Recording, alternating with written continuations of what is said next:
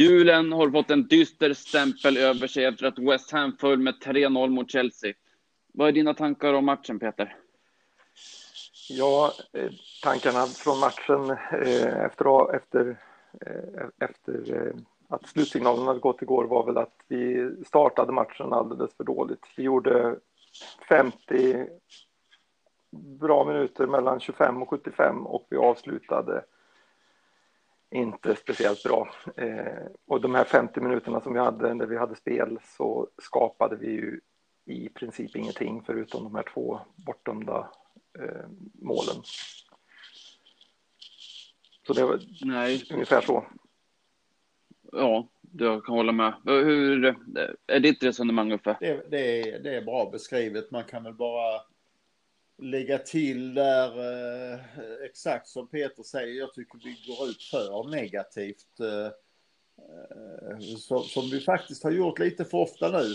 Och sen så när vi väl trycker på så har vi, tycker jag vi har en väldigt bra period och, och innan de gör 2-0 så, så känner jag ju att det här är eh, vi är absolut inte värda att förlora utan vi har ju hållit upp spelet väl så bra som Chelsea, bättre än Chelsea. Sen gör de två mål på en minut och då tappar vi ju intresset. Så sen är ju matchen ointressant ifrån eh, från, från eh, bägge håll. Totalt sett så, så möter vi topplag. Vi gör återigen en jättebra eh, eh insats. Eh, missar lite försvaret, skillnad fyrbacks, fembackslinje. Eh, och sen exakt som Peter säger, vi skapar ju ingenting jättefarligt eh, Tyvärr, men det där är tillfälligheter som jag tyckte att eh, eh, kommentatorerna var inne på igår också och sa att det här är inte många centimeter som gör att, eh, från att West Ham får ett par jättechanser. Så totalt sett är jag faktiskt ändå nöjd med matchen. Vi visar att vi är på en helt annan nivå spelmässigt än vad vi var för ett år sedan.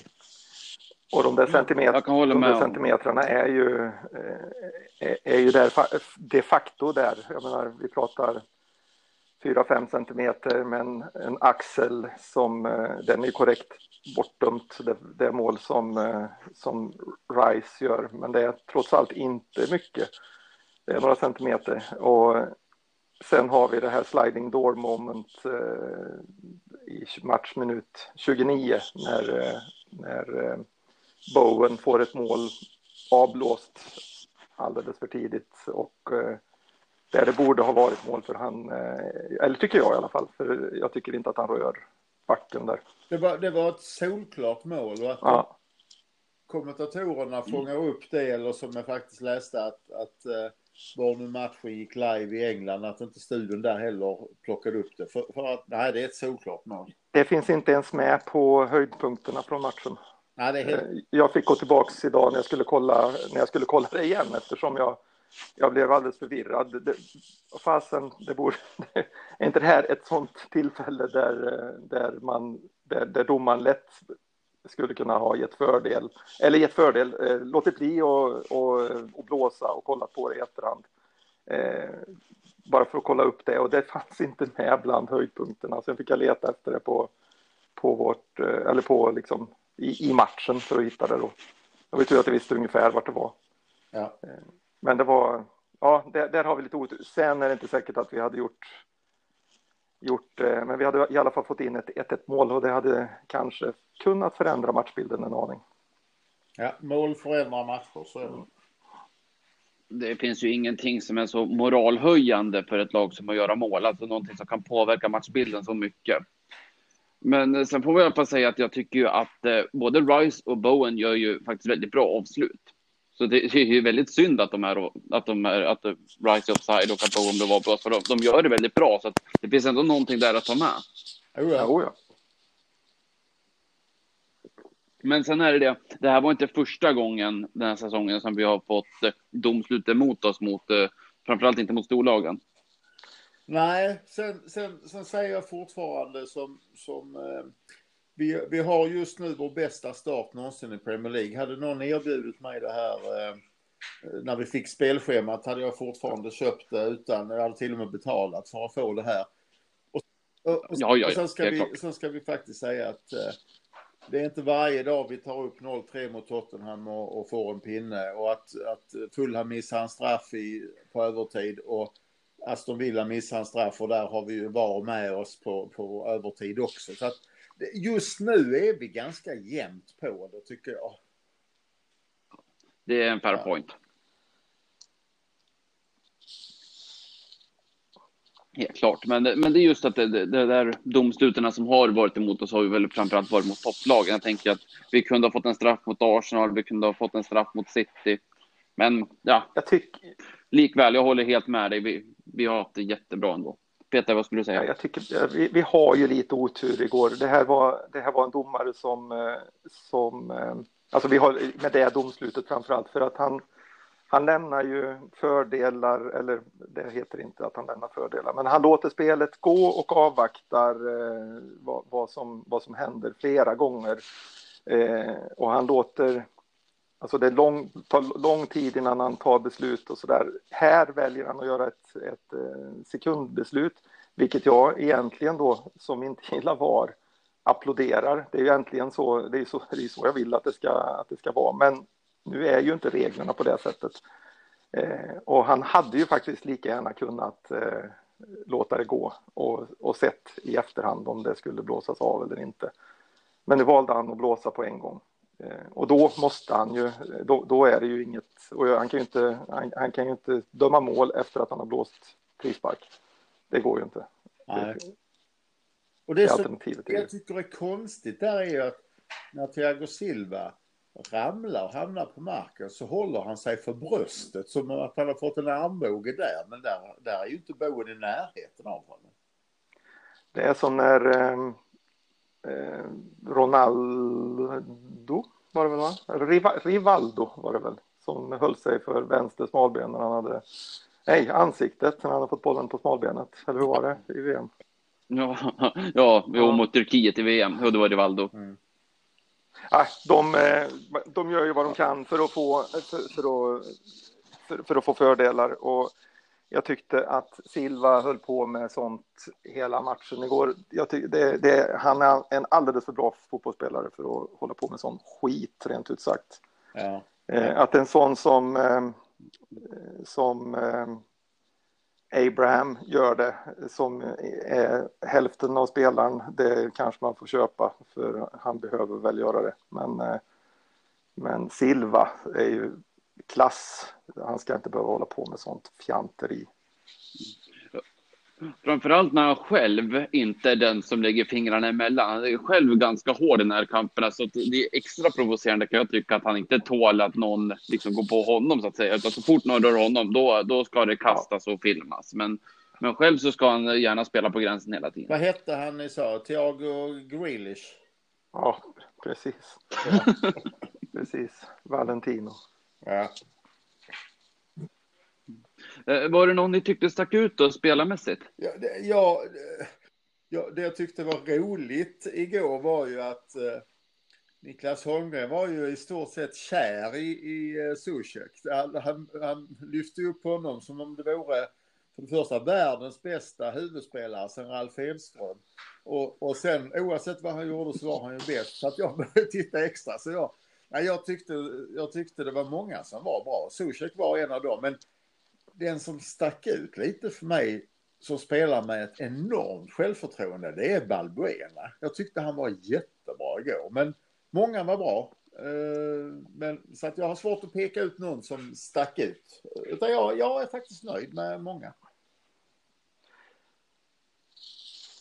Ja, mellan matchminut 25 och 75 så är jag helt, eh, helt med på det. Sen tar ju matchen slut de sista 15 minuterna, eller sista 10 minuterna i alla fall. Och första, framförallt 20 minuterna var vi ju inte, inte inne. Men eh, de där andra däremellan, där, där tyckte jag vi gjorde det bra. Jag eh, tycker, även om jag vet att många inte håller med mig, att eh, att en sån som, eh, som man kanske inte trodde skulle göra så bra ifrån sig som Nobel gjorde faktiskt en, eh, en bra insats på mittfältet. Jag håller med dig. Jag håller med. Ja. Absolut. Och det är väl i den här typen av matcherna som vi faktiskt ska använda ja. Nobel fortfarande. Ja, jag var lite orolig innan matchen att han skulle bli en rund, ett rundningsmärke, att de skulle, det skulle bli för, eh, gå för snabbt för honom där. Men jag tycker att han eh, löste det på ett bra sätt och vårt försvarsspel började ju med Nobel. Så var det ju. Det finns ju ingen som, jag säger det finns ingen i Premier League som är så rutinerad och ramlar och får frisparkar i rätt lägen och så lätt som Nobel gör. Ja, Han kan det där han. Men, men det är ju det, alltså, trots att han börjar bli gammal och att det börjar gå lite långsamt för honom, han har ju fortfarande lungkapacitet och han är väldigt smart i vilka löpningar han ska ta och han utstrålar sån, alltid sånt hjärta och sån passion. Det känns som att han gör sina medspelare bättre och precis i den här typen av matcher som betyder mycket som är ett London-derby och där vi blir tillbakapressade eller förväntas vara tillbakapressade så tycker jag att han är alldeles perfekt att ha där. Ja, och, och det här med tempo handlar ju väldigt mycket om vad man gör av bollen när man får den. Eh, står du på rätt ställe så, så behöver du inte springa så mycket och rör du dig till rätt positioner innan motståndarna gör det så står du där först. Och det är han ju faktiskt ganska bra på. Sen eh, när han inte är i form då, då, är han ju, då kladdar han ju lite för mycket med bollen. Det är lite mycket Scott Parker eh, rund eh, eh där, han, där han vänder upp och vänder runt och gör sina snurrar runt sig själv, finter och sådär. Men eh, det tyckte jag inte att vi såg igår utan jag tyckte det var, jag tyckte att han, eh, han tog in bollen när han behövde det, kunde hålla upp den, han, han eh, la tillbaka den på ett när det behövdes. Så, ja, jag, tycker, jag tycker att han gjorde en, eh, en, en insats över förväntan. Sen betyder inte det att jag kanske tycker att han var bäst i laget, men eh, det, det blir lite enahanda om man bara ska prata om de, de som är bäst, för det blir lätt samma personer. Eh, jag tycker också att Balbuena var, var väldigt bra igår och han har varit väldigt bra på slutet, de matcher som han har, har kunnat vara med här. Den som, den som har blivit eh, näst nersablad vad jag har läst. Om vi som vanligt då plockar bort Allaire för han har ju fått både ris och ros. Men förutom det är faktiskt Cresswell. Men jag tycker inte han gör någon dålig match. Sen så att släpar han ju på andra målet där så att eh, han, han, håller Abraham på rätt ställe. Så att det, det är ju fel. Men för, förutom det tyckte jag inte han var katastrof. Han var inte i ögonfallande ja. dålig. Det tycker jag verkligen inte. Det var ju jobbigare för... Så det var lite han hade en jobbigare match mot Leeds. Där han låg mer än han stod. Ja, ja, absolut. absolut. Eh, men eh, det, det är klart, 2-0 målet blev ju väldigt avgörande och det, det är lätt att, att fastna, fastna med det. För, eh, för alltså att, man får, att man får det på näthinnan sen. Ja, ja, så är det. Men förutom det. Jag håller med så tycker jag inte att han gör någon dålig match. Jag tycker han faktiskt är stabil. Men jag, jag ser gärna, till, går gärna tillbaka till den här fembackslinjen nu. Det gör jag med. Men vem vill du ha in då, då som ja, ytterback? Det blir ju samma sak som har pratat om tidigare. Då är det väl Johnson som ska in där och, och testas helt enkelt. Ja, jag håller med. Jag tycker... Ja, han skulle säkert... Jag, jag har också satt in eh, Johnson som, eh, som, som vinger och eh, haft kvar då eh, mitt, mitt, mittbackstrion med Crespel och Balbuena och, och Bonna i det. Så jag hade inte flyttat ut Cresswell som, som wingback. Nej, det känns ju som att Cresswell trivs som fisken i vattnet. Att få vara den där tredje mittbacken. En blandning mellan vänsterback och mittback på något sätt. Ja, och han har ju till och med i offensiv kunnat varit eh, fått möjligheten att, eh, att kunna spela som eh, nästan som en vänster innermittfältare på eh, i och med att han har två mittbackskollegor som har eh, tagit de defensiva uppgifterna när vi har offensivt spel. Alltså har, han har kunnat fylla på väldigt bra. Eh, och det har, han ju, det har han ju varit väldigt, väldigt bra på. Ja, verkligen. Ja, så fembackslinjen, ja, det har vi pratat om ett tag nu, men det, det, är väl dags att gå tillbaka, för det har ju faktiskt mycket bättre ut när vi har spelat en fembackslinje. Ja, nu, nu eh, i och för sig så möter vi ju Brighton nästa match och det är väl en en motståndare som vi egentligen ska ha bollen och, och gå framåt och ta, ta tag i taktpinnen från, eh, från, från start. Och då, då känns det ju som att fyrbackslinjen funkar också. Men jag, jag är inte främmande för att ta eh, fembackslinjen. Men om vi ska prata lite om Brighton, hur ser ni på möjligheterna där? Vi har ju haft lite svårt mot, mot dem på slutet. Det, jag du, håller med dig. Vi har inte gjort uh, särskilt många bra matcher mot, mot uh, Brighton som de kom upp igen. Men, men vi är ett bättre lag och vi ser att de har problem. De har svårt att göra mål. De, de får mycket bra kritik, uh, inte minst ifrån Sverige, för att det finns någon slags Graham Potter känsla där och nation, nationalism i, i det. Va? Men, men eh, nej, Brighton är ett lag som vi ska slå ifall vi går ut med, med rätt inställning.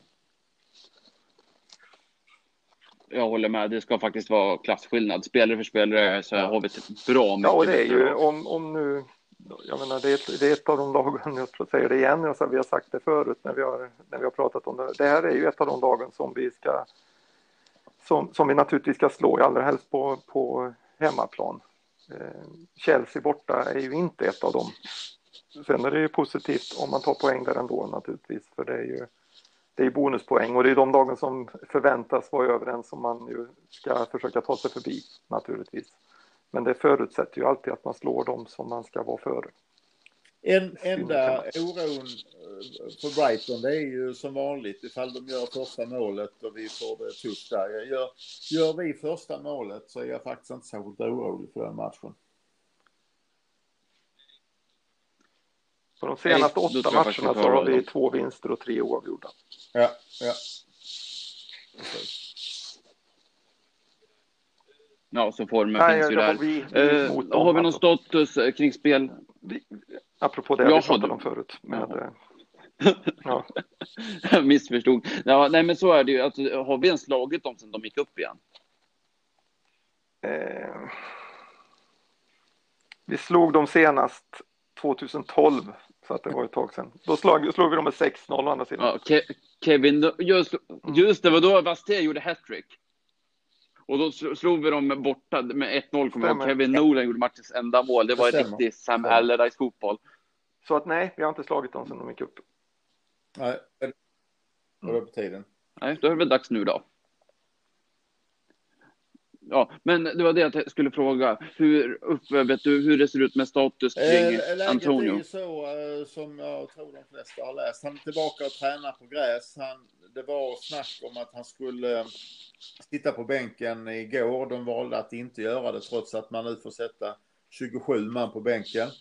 Äh, och, och, och, det är ju inget definitivt. Det är ju nästan eh, en vecka kvar dit. Men eh, en, en, en, personlig gissning är ju att han sitter på bänken i varje fall.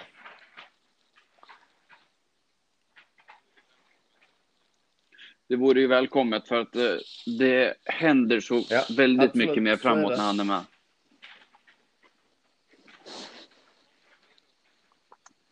Har vi något mer att säga ja, om eh, matchen mot Brighton? Brighton nu. Jag hade en fråga till på, eh, på Chelsea faktiskt. Och det, och det är samma ja, ja, ja, ja. Nej, men, kör, ställde kör. till er bägge sist. Um, och, och, och, och, det är så lätt att tro att jag har någon förutfattad mening, men det har jag inte, utan det är mer att jag är intresserad.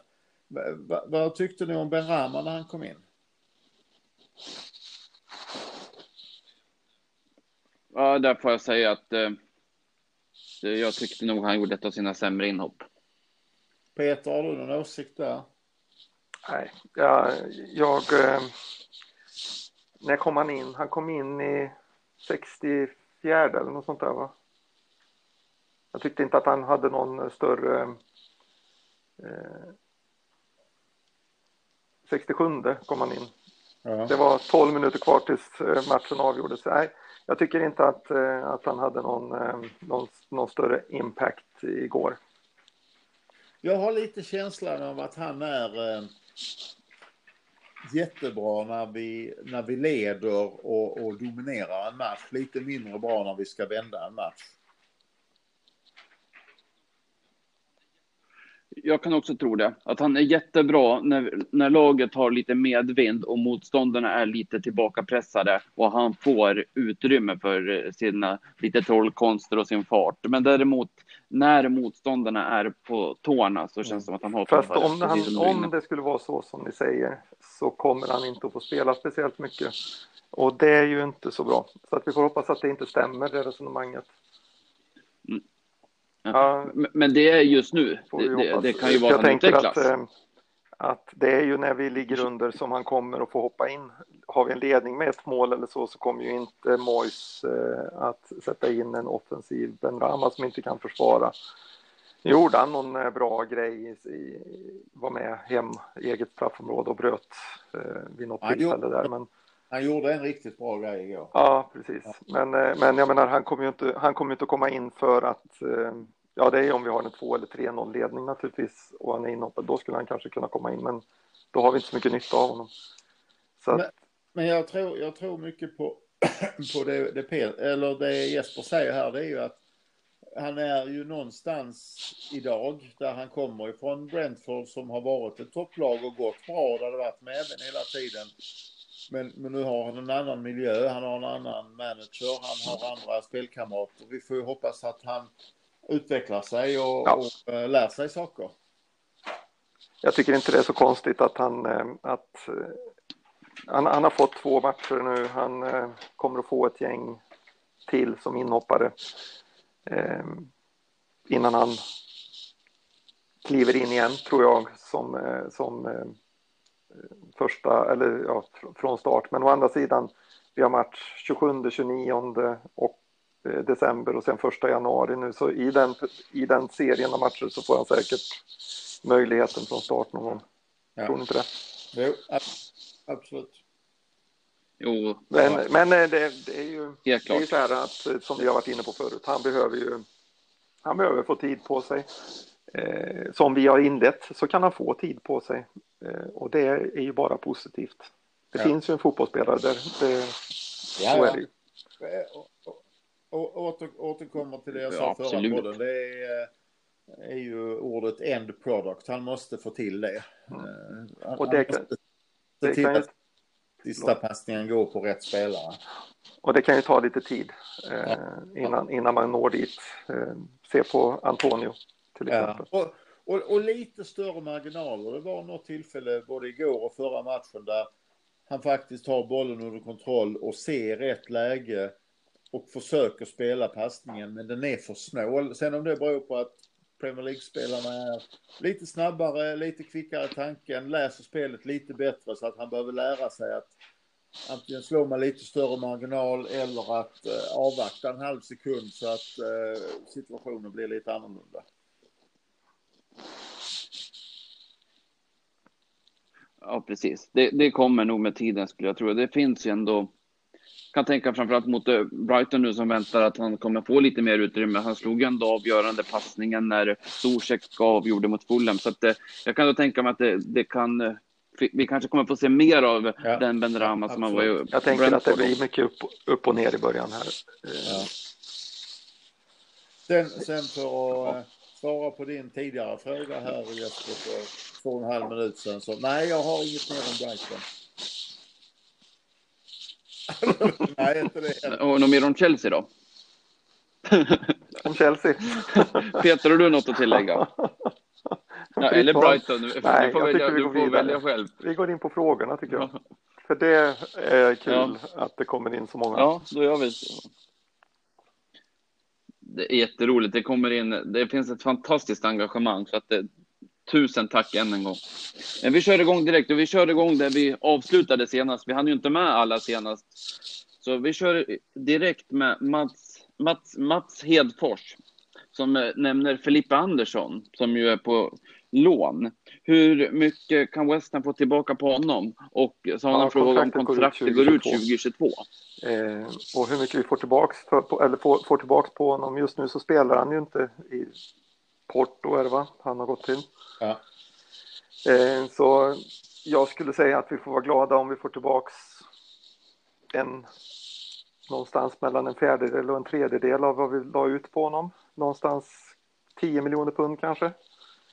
Eh, men då får vi nog vara rätt så nöjda som det är nu. Sen får vi hoppas att det är någon som kommer ihåg att han var rätt bra i Lazio, även om inte han spelade kontinuerligt hela tiden och att han gjorde en väldigt, väldigt bra första säsong hos oss. Men eh, som det såg ut förra året och som det har sett ut hittills i år så har han ju bara sjunkit i, i värde. På det kan vi ju då lägga till den här coronarabatten som förmodligen de flesta får, får dra av innan de kan sälja någonting. Så ja, 8-10 miljoner kanske. Det är ingenting. Ja, det är inte mycket pengar i dagens fotbollsvärde. Ja, Ulf, har du något mer att tillägga på frågan? uh, vad vi får tillbaka. Jag hoppas vi får tillbaka hela Filip Andersson och inte som Peter sa att vi får tillbaka en fjärdedel eller en tredjedel. Men, mm. uh, och då ja, får han gärna spela. ja.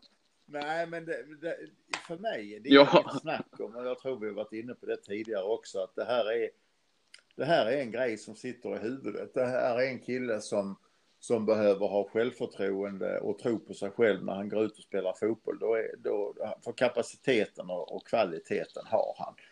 Men, men han har ju blivit sämre och sämre beroende på ett dåligt självförtroende. Så att eh, man skulle lägga en tiondel av hans lön på en, på en eh, Kjell Enhager eller någonting sånt så att han kommer tillbaka och hittar tillbaka i, igen.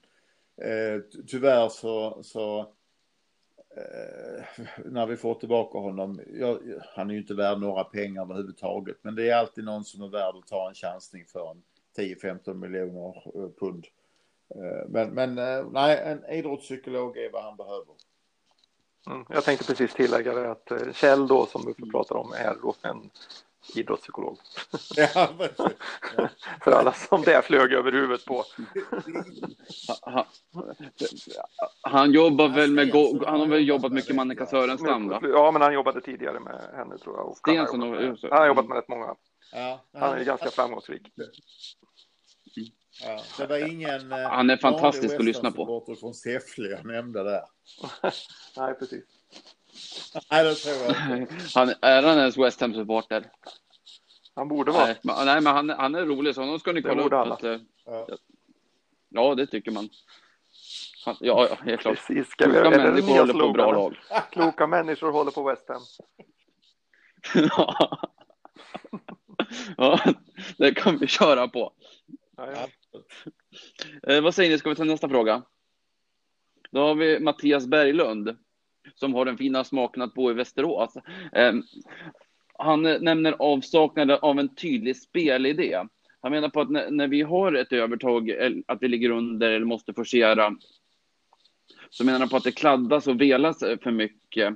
Så att eh, han skulle vilja att eh, vi främst riktar in på att slå inlägg av ett Sofall och Cresswell. Hur, alltså, det är väldigt ni på det?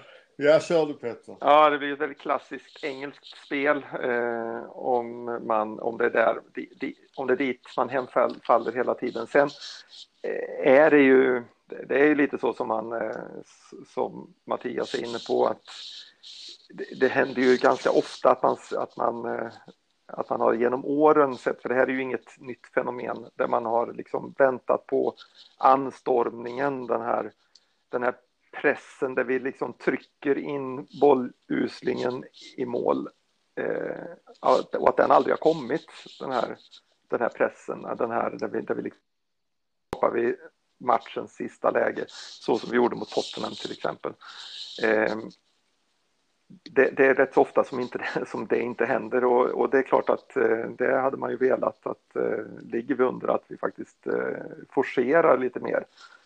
Jag tycker tycker nog att vi har gjort det lite bättre den här säsongen framför allt. Men, eh, men jag vet inte om vi har en, en tydlig spelidé där vi gör likadant hela tiden. Eh, det har vi nog inte. Vi har, har nog lite för... När vi har spelat med Antonio så har vi kanske inte tillräckligt eh, eh, alltså spelare som, som alltid gör det, for, det, det man tänker sig att man ska göra, utan då har vi en irrationell spelare där på, på topp. Och vi har lite irrationella spelare på mittfält, mittfältet också. Jag, jag vet inte om vi, om vi pratar om... Vad säger du Ruffe? En, eh, en spelidé vid ett specifikt tillfälle. För jag, jag tycker ju att vi har en oerhört tydlig spelidé eh, generellt sett och att det var länge sedan den var så tydlig. Den är ju, det är därför vi pratar om ungefär samma saker hela tiden. Det är att vi är lite för passiva, vi är lite för negativa, vi, vi, säk, vi säkrar från start i varenda match och sen ska vi ha ut bollen på Masuaku eller Bowen som, som dribblar och försöker få till bollen inåt och så ska helst eh, Zuzek eller Rice ha hunnit upp också och så är det de fasta situationerna som är nyckel nummer ett. Så att jag, jag tycker vi har en tydlig spelidé eh, faktiskt. Men ja, det, alltså det jag läser in i frågan här är ju att, han, att Mattias pratar om eh, i specifika situationer, alltså när vi ligger under och det ska forceras eller när vi har ett övertag. Men annars håller jag med dig om att eh, det är tydligare nu än vad det har varit, än vad det var till exempel under Pellegrini. Ja. och, det var en, och till exempel än hur det var under de första 10-15 matcherna förra i vintras när, när eh, Moyes kom till, till West Ham. Det var ju först de sista åtta egentligen som vi som började spela konsekvent. Vi, vi, gjorde två otroligt bra matcher borta mot Liverpool och borta mot Arsenal också. Innan eh, coronauppehållet. Så att, ja. ja, och sen försvann två matcher i början där mot Wolverhampton och något annat när vi inte spelade bra alls. Men eh, det har du rätt i. Det var några matcher där innan som också var... Jag kände nog att vi var lite på gång där och därför var jag lite ledsen. Och vi ja, slog man... med 3-0 också. Jag var lite ledsen över att det kom utbrottet där och, och uppehållet för att jag, jag kände att vi faktiskt spelade riktigt bra där. Och man blev lite orolig när, när uppehållet var slut och man satte igång igen och vi gjorde två klappmatcher ja, ja. sen direkt. Absolut.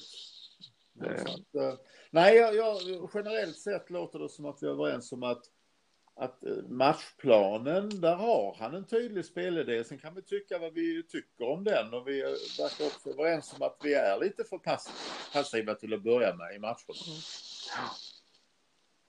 Ja. Absolut.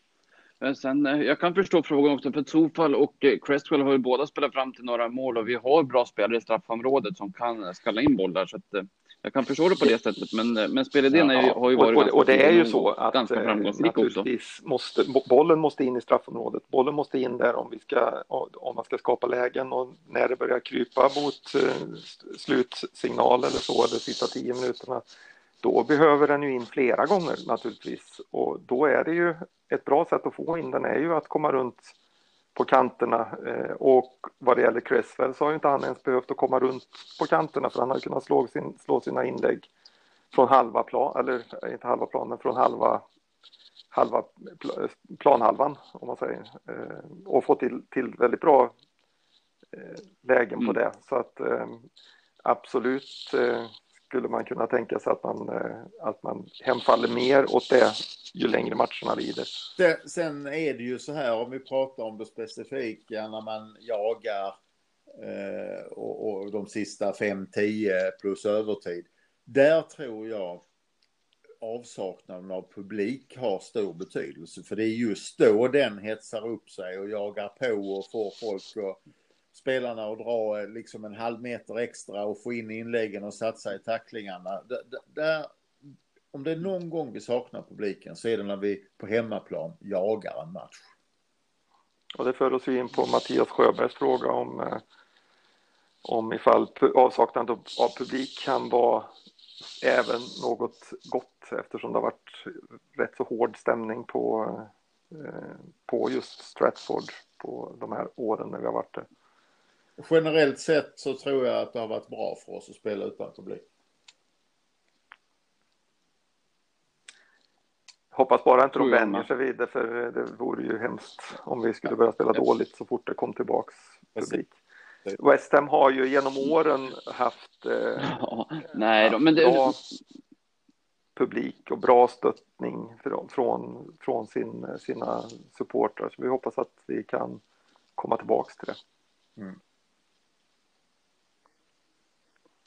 Jo, men det tror jag ändå. Och sen, det som du säger Uffe, just när vi ligger på och vi behöver den här förmågan att komma i våg efter våg, då kan ju faktiskt en elektrisk stämning vara värd väldigt Absolut. mycket. Och den har ju funnits och, och där även på London Stadium stundtals. Det fanns stunder i, igår när vi pressade högt och tog tillbaka bollen hela tiden på ett sätt som jag var oerhört imponerad av det var fantastiskt spel där i, jag tror att det var någonstans matchminut 60 till 65 eller något sånt där. Det var strax innan, strax innan eh, Ben Rama kom in var det. Ja, ja men faktiskt, jo, jo, ja, ja det, det låter som kritik det också, men det var det inte. Det, men det var där innan så hade vi några minuter där, eh, där så fort Chelsea tog, tog bollen så plockade vi den av dem som om man hade plockat godis från småbarn. Ja. Det, var, det var faktiskt riktigt, riktigt, riktigt roligt att se. Ja. Kul. Men det, tyvärr så skapade vi ju inte något läge av det sen. Ja.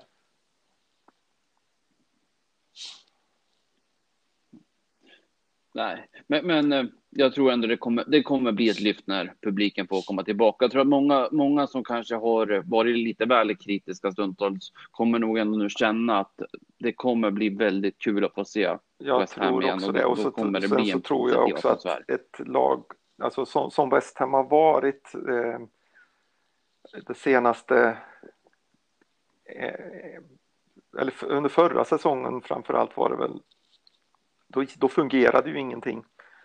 Eh, och då blir det ju ett ok naturligtvis för då funderar spelarna och då hade ju Kjell, Kjelle naturligtvis behövts eh, eh, ännu mer för att eh, då, då, blir det ju jobbigt när, eh, när man hör alla på, på läktaren vända sig mot en och sådär.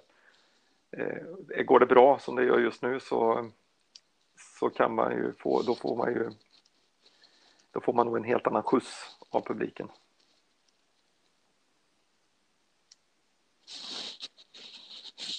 Absolut. Ja. Vi betrakta Mattias fråga som besvarad där?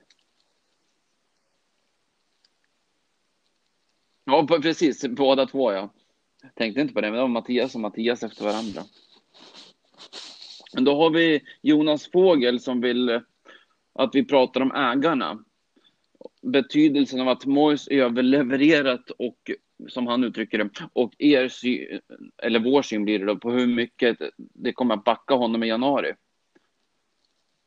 Vi har varit inne lite på det, men, men vad tror ni? Kommer ägarna gå in med några pengar för att stötta Mois? Men eh, om, om ägarna då, om man ska, om man ska säga ja, något om dem, så, så, så tänker jag att de har haft en jäkla tur här att Mois, de har haft dubbeltur. Eh, det var rätt mycket irritation och eh, och mycket när jag och, och, min dotter var över senast så, så var det de första, första gången som GSB Out hade eh, samlades i parken utanför arenan och protesterade och det var ju flera tusen som var där och, och eh, lyssnade på talen och, och sådär som, eh, som de som höll i arrangemanget höll. Det dog naturligtvis ut i och med att hela England stängde ner. Det är ju tur ett.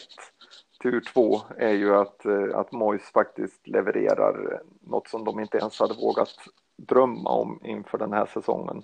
Dels så klarade vi oss kvar, vilket ju hade varit en katastrof om vi inte hade gjort och sen har han då gett oss, som Uffe sa förut, den eh, bästa säsongstarten i Premier League-historien. Eh, och det var ju inte många vad sa jag, tredje bästa sen, sen man startade med trepoängssystem för några matcher sedan. Eh, så så de, har ju, de har ju mycket honom att tacka för att, att de här tongångarna nu naturligtvis tystas lite grann. Eh, men de är ju bara några matcher ifrån hela tiden att de vaknar igen. För folk är ju inte nöjda. Av många olika anledningar.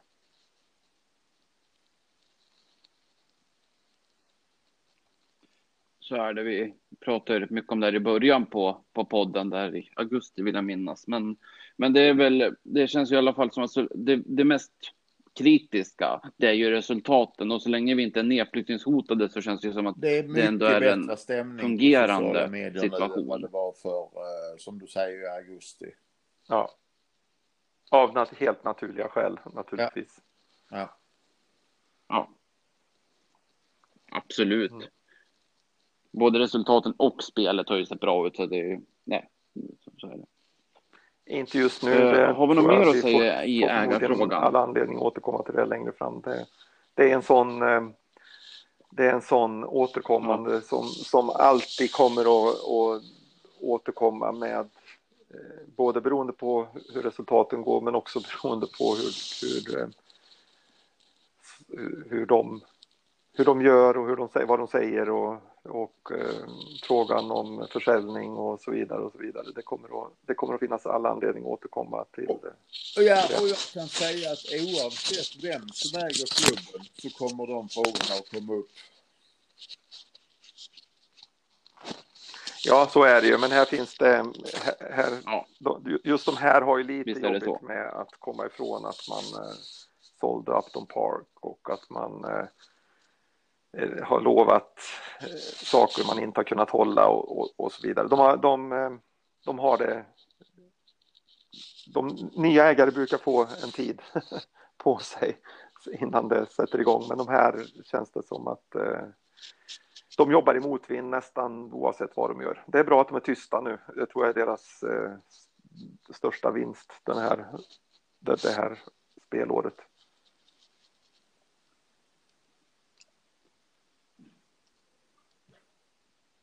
Definitivt. Mm.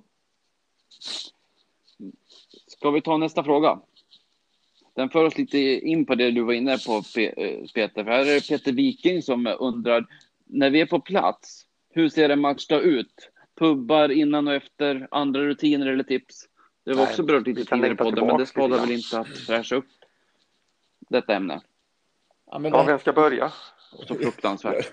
Ja, jag, eh, jag, jag kan eh, dra lite. Jag, det, här, det, här, är en fråga som jag har eh, sett fram emot. För ja, jag har ju fått byta rutiner mot, mot gamla Upton Park där det var klassiker att man gick både på Queens och The Boylen och, och The Black Lion i, i Plastow och, och, så. Så att här, här fick man ju någonstans börja om från början och den rutinen som jag har hittat är ju att nummer ett är ju att om, om de här killarna som jag har nämnt tidigare, X och Dave, har en av sina pre-match events så är det 100% säkert att jag går dit. För där är det gamla spelare, eh, man får ta foton, man får ställa frågor, eh, man får träffa dem, det är lotterier, det är gratis öl ehm, och vin. Det kostar 20 pund att komma in från vuxen. Fantastisk stämning och jättetrevligt. Eh, så att de, och de kör ungefär varannan hemmamatch och då är, då är det 100% säkert att jag är där. Är jag inte där så, så eh, har jag försökt hitta lite pubbar runt eh, London Stadium och den jag har gillat bäst är ju en som heter The Builders Arms men de har ju stängt ner tyvärr. Ehm, och så har jag varit på lite andra blandade utan att få någon känsla och så har jag rört mig en del upp runt Westfield på, på lite mer klassiska barer, inte, inte engelska pubbar. Och det har inte varit lika trevligt. Eh, så, att, så, så ser min match, matchdag ut. Eh, och sen så går jag upp på, på, eh, på arenan och, och tar en korv. Eh, vad heter den? Shoppen har jag ofta klarat av dagen innan. Men jag vet att Peter har helt eh, motsatt erfarenhet som jag tycker är jättespännande som jag vill testa nästa gång jag är där. Så att eh, kör Peter. Eh, ja, jag, eh, jag har också varit på Builders Arms. Det var första, första gången jag var över så var det den jag hittade och den var ju väldigt den var trevlig tyckte jag, men som sagt den är stängd nu. Eh, har ju, finns ju Carpenters Arms längre ner på samma tvärgata där i princip. Eh, den, där har jag inte varit, jag har bara sett att det är väldigt, väldigt mycket folk. Men eh, jag brukar... Låt mig bara fylla på där. Jag har varit på Carpenters ett antal gånger, men den är ju, den är ju ruffig alltså kan jag säga, minst sagt. Minst sagt ruffig. Ja, det ser ut som det. ja, kör du på så. Nej, men jag har, jag har varit, eh, jag har, jag har bet mig till andra sidan, till andra sidan eh, arenan och eh, tagit mig mot Hackney Wick, eh, alltså nordväst om, eh, om, om arenan skulle man kunna säga. Eh, det är bron över, man, man, man, man måste över, över ån en gång till eller över floden. Eh, och eh, där finns det då ett ställe som heter White Post Bar, bar och Café eh, där eh, jag har varit några gånger och det är väl ingen klassisk engelsk pub direkt men det är väldigt mycket West Ham-supportrar och väldigt bra stämning har det varit. Trevligt, eh, trevlig atmosfär eh, och utanför har The Ribman eh, sitt nya tillhåll. Han var ju utanför han var ju utanför The Bowling Lane förut. Och där, ja, jag, jag, jag har gillat det. Så dit ska vi ta oss, Uffe, när vi kommer dit nästa gång. Ja, gärna det. Såvida det inte är eh, ett eh, event då, för att då får du ta med mig dit istället. Ja, det gör jag hemskt gärna, för det är otroligt trevligt. Men det är ganska stor skillnad om man säger på, eh, på de här. Det är, det är, man kan säga att det här är tre olika typer av ställen, de tre vi har beskrivit nu, där, där eh, den klassiska engelska, lite ruffiga eh, eh, puben Carpenters och sen så har vi då eh, mer Porsche, de här barerna i Westfield och sen så är det ju kanske lite mer eh, eh, där vid White Post, Post och Hackney Wick är kanske mer ett, eh, ett eh, område för, eh, ja, jag vet inte riktigt vad man ska säga, men eh, mittemellan där då. Någonstans. Och din då, om du åker över Jesper? Ja, jag brukar precis som, precis som Uffe så brukar jag ta shoppen någon dag innan. Jag tycker det är jättetrevligt att gå runt där och strosa utanför London Stadium och ta shoppen i lugn och ro när det inte är så mycket folk där. Går man till shoppen under matchdagar så är det ofta kö för att komma in och kö för att komma någonstans. Då det är smällfullt med folk. Så det, det brukar jag klara av någon dag innan. Och sen så, jag brukar tycka om att åka över till arenan ganska tidigt på matchdagen och strosa runt i Stratford och eh, och gärna hitta någon pub. Ofta har jag, den har jag varit på The Cow om ni har varit på den puben. Ja visst.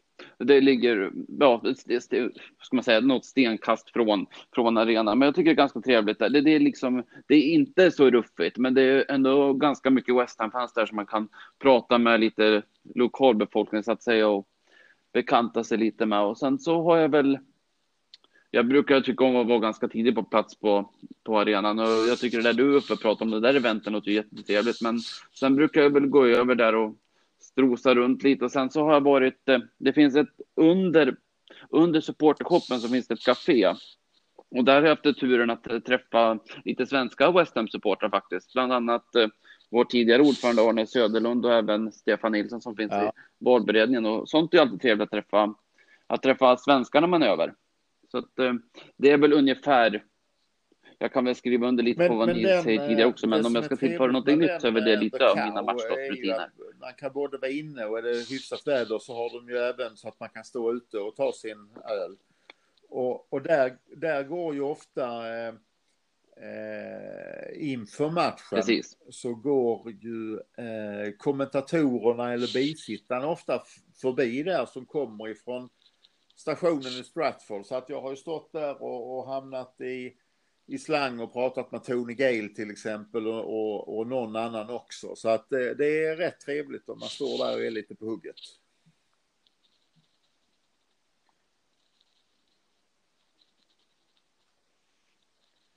Ja, det finns många, många alternativ för att få en bra matchupplevelse.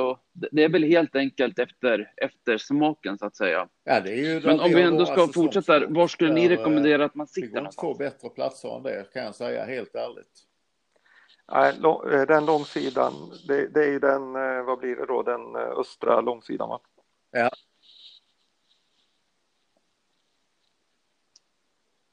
Är det Billy Bond? Jag skulle säga ja, men utan att vara hundra Billy Bond stand, är, det, är det den sidan? Säger, det är den östra sidan, det är den du... Den koppläktaren. Ja, när, när, när, du kommer, du kommer dit när du går från Westfield, det är ju den.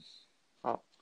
Och eh, där på, på den sidan naturligtvis eh, gärna så långt ner ja. som, eh, som möjligt. Eh, de, de biljetterna som supporterklubben har, det är långt ner Eh, på, på sidan. Men där funkar ju även att sitta ganska högt upp, eh, vilket jag har gjort vid något tillfälle. Däremot på andra sidan, så fort man kommer ovanför ovanför eh, om man säger den där, där, där läktaren delas, om man säger det, det är hopplöst. Det är skittråkigt.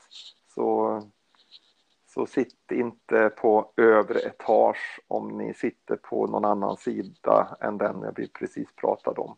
För då är man långt ifrån planen och framförallt så, så tappar man, eh, det, det tappar eh, eh du tappar känslan när man inte ser folk eh, hela vägen ner framför sig. Det är mycket lättare att vara långt ifrån planen när man har, när, man har publik hela vägen. Liksom.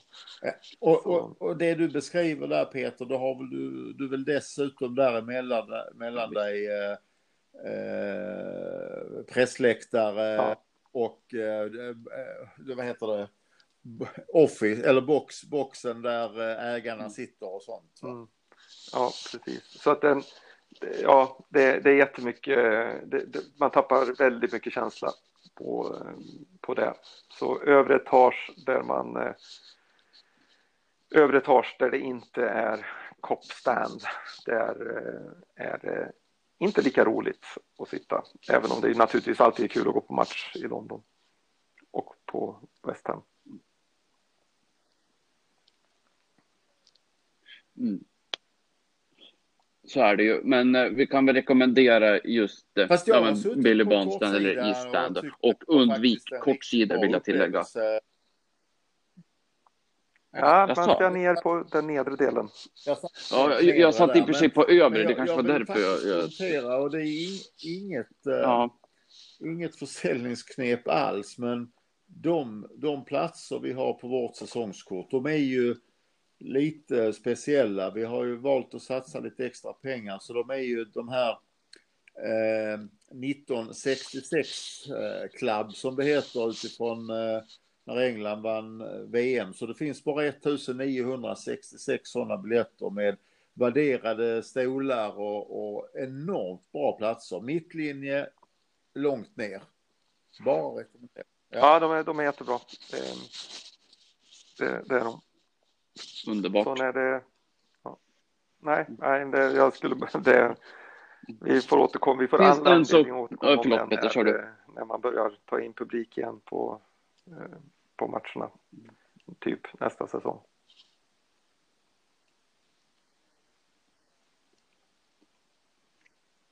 Ja men verkligen. Eh, nej, det jag skulle säga är att eh, jag glömde bort att en sak till jag kan rekommendera, framförallt om ni är över första gången till London Stadium, så det. det är ganska trevligt att ta en Stadium Tour. Har ni gjort det? Jag hade många, många timmar att slå ihjäl första gången jag ja, var över. Det var måndag, så att det, då passade jag faktiskt på att ta en guidad visning på London Stadium. Det var faktiskt riktigt trevligt. Så är jag direkt där, för jag har gjort ju motsvarande på, på Wembley och motsvarande på Upton Park flera gånger och dessutom eh, personligen inbjuden då. Ja. Mm. Vad trevligt. Ja, det kan vi rekommendera. Bjuggfält.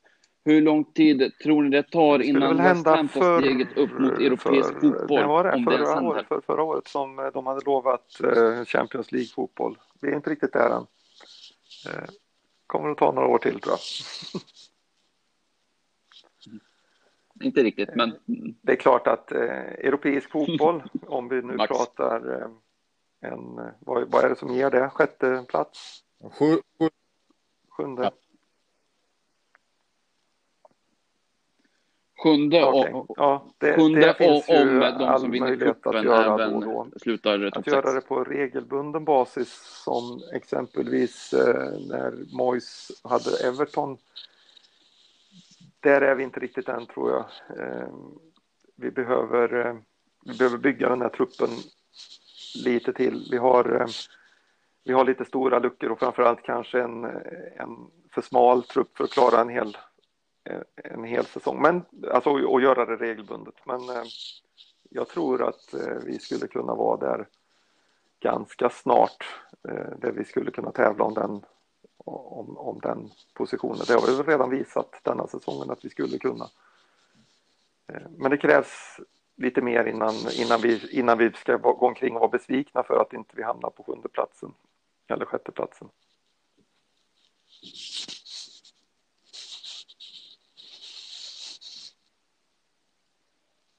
Yes. Absolut. Ska vi ta en fråga till? Ja, det är från eh, Claes Åkesson.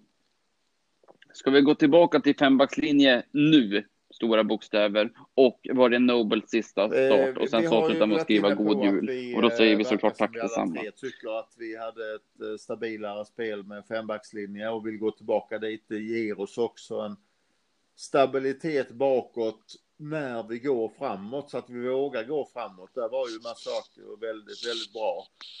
Eh, och det har ju varit lite rykten där med eh, vad heter från Manchester City som jag tror hade platsat utmärkt i den rollen. Även om han är en annan spelare än Massaker. Eh, Nobels sista start, nej det tror jag inte att det är, absolut inte. Och som Peter var noga med att punktera, han gjorde ingen dålig match. Han, jag var, eh, det var över förväntan för att citera en, en kompis.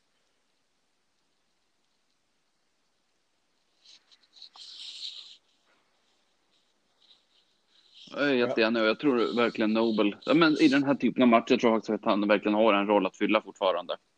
Och det kan ju bli intressant just eftersom hans kontrakt går ut efter den här säsongen. Ska vi bara säga då att eh, avslutningsvis innan vi säger god jul och gott nytt år och vi behöver inte säga gott nytt år för vi hörs innan dess. Men, men det är ju att vi har gjort klart med en spelare idag. Eh, den här. Eh, Tänkte precis säga det. det, det. Mm. Eh, Fredrik Alves, Alves som som det har ryktats om och vi har nämnt i podden tidigare också, har blivit klar idag. En 21-åring som eh, spelar mittback till höger och kan även spela högerback som eh, betraktas som oerhört lovande och, och eh, som någon i West Ham-hierarkin uttryckte sig att det här är ingen spelare som vi knuffar in i U23 utan han ska in i truppen direkt.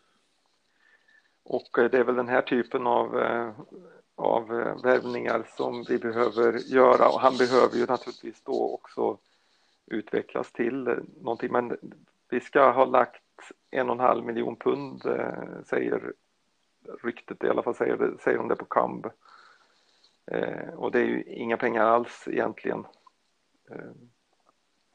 Nu kanske det ingår några det kanske finns några klausuler i det också, men eh, för det, de säger, eller man säger väl att det är en undisclosed fee, men eh, sen längre ner i deras artikel där så står det om en, en och en halv miljon. Ja, så att det, det är ju ingen, det är ingen storvärvning, det är ingenting som går rätt in i laget, men, men kan man som klubb vara duktig på att plocka upp de mest lovande spelare, spelarna i lite mindre länder och lyckas med en av fem, två av fem, då gör man ett jävligt bra jobb. Ja, men det är så. Vi, må, vi måste värva dem och vi måste, vi måste värva dem i den. Vi måste hitta dem i den prisklassen som faktiskt, eh, som, som faktiskt tar steget sen. Det, eh, och det här verkar ju vara. Det här känns ju som betydligt mer rätt än eh, när vi betalade 3,5 miljoner eller vad det var, 3,5 miljoner pund för Haksabanovic då när vi köpte från Sverige senast. Det känns det som att vi blåstes rejält av, eh, av eh, agenten. Nu kanske han hade varit värd 3,5 miljoner pund, men inte, inte då. Eh, så att det, det, det här är ju kul. Det blir intressant. Andra januari. Verkligen. Eh, när kommer han? Är det första januari? Eller? No. Nej, men det är väl så att eh, januari, de gör väl inga, inga registreringar på nyårsdagen. Det brukar vara så. Utan man, öppnar, eh, man öppnar butiken även på FA den 2 januari för registrering. Ska, så jag gissar att det är därför. Sen ska han hitta ett plan som går till Storbritannien också om han inte ska simma över. Ja. Så det är mycket möjligt att han redan är där då. Det får man ju hoppas. Så att han har gjort sina två veckor i karantän eller vad han behöver. Ja. Danmark och, eh, och eh, England borde ju kunna flyga emellan. Det, det är bara hit om inte folk tar sig. ja. Exakt, exakt. Esbjörn. Men som dansk seglar han väl över? Ja, men det blir intressant att se vad han kan göra. Ja, precis. Ja framöver. Vad säger ni? Ska vi...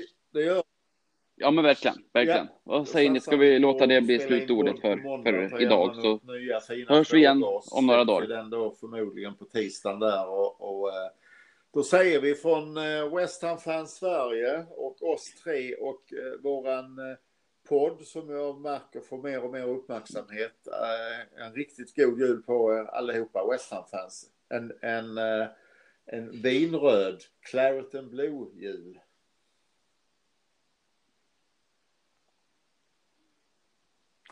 God jul!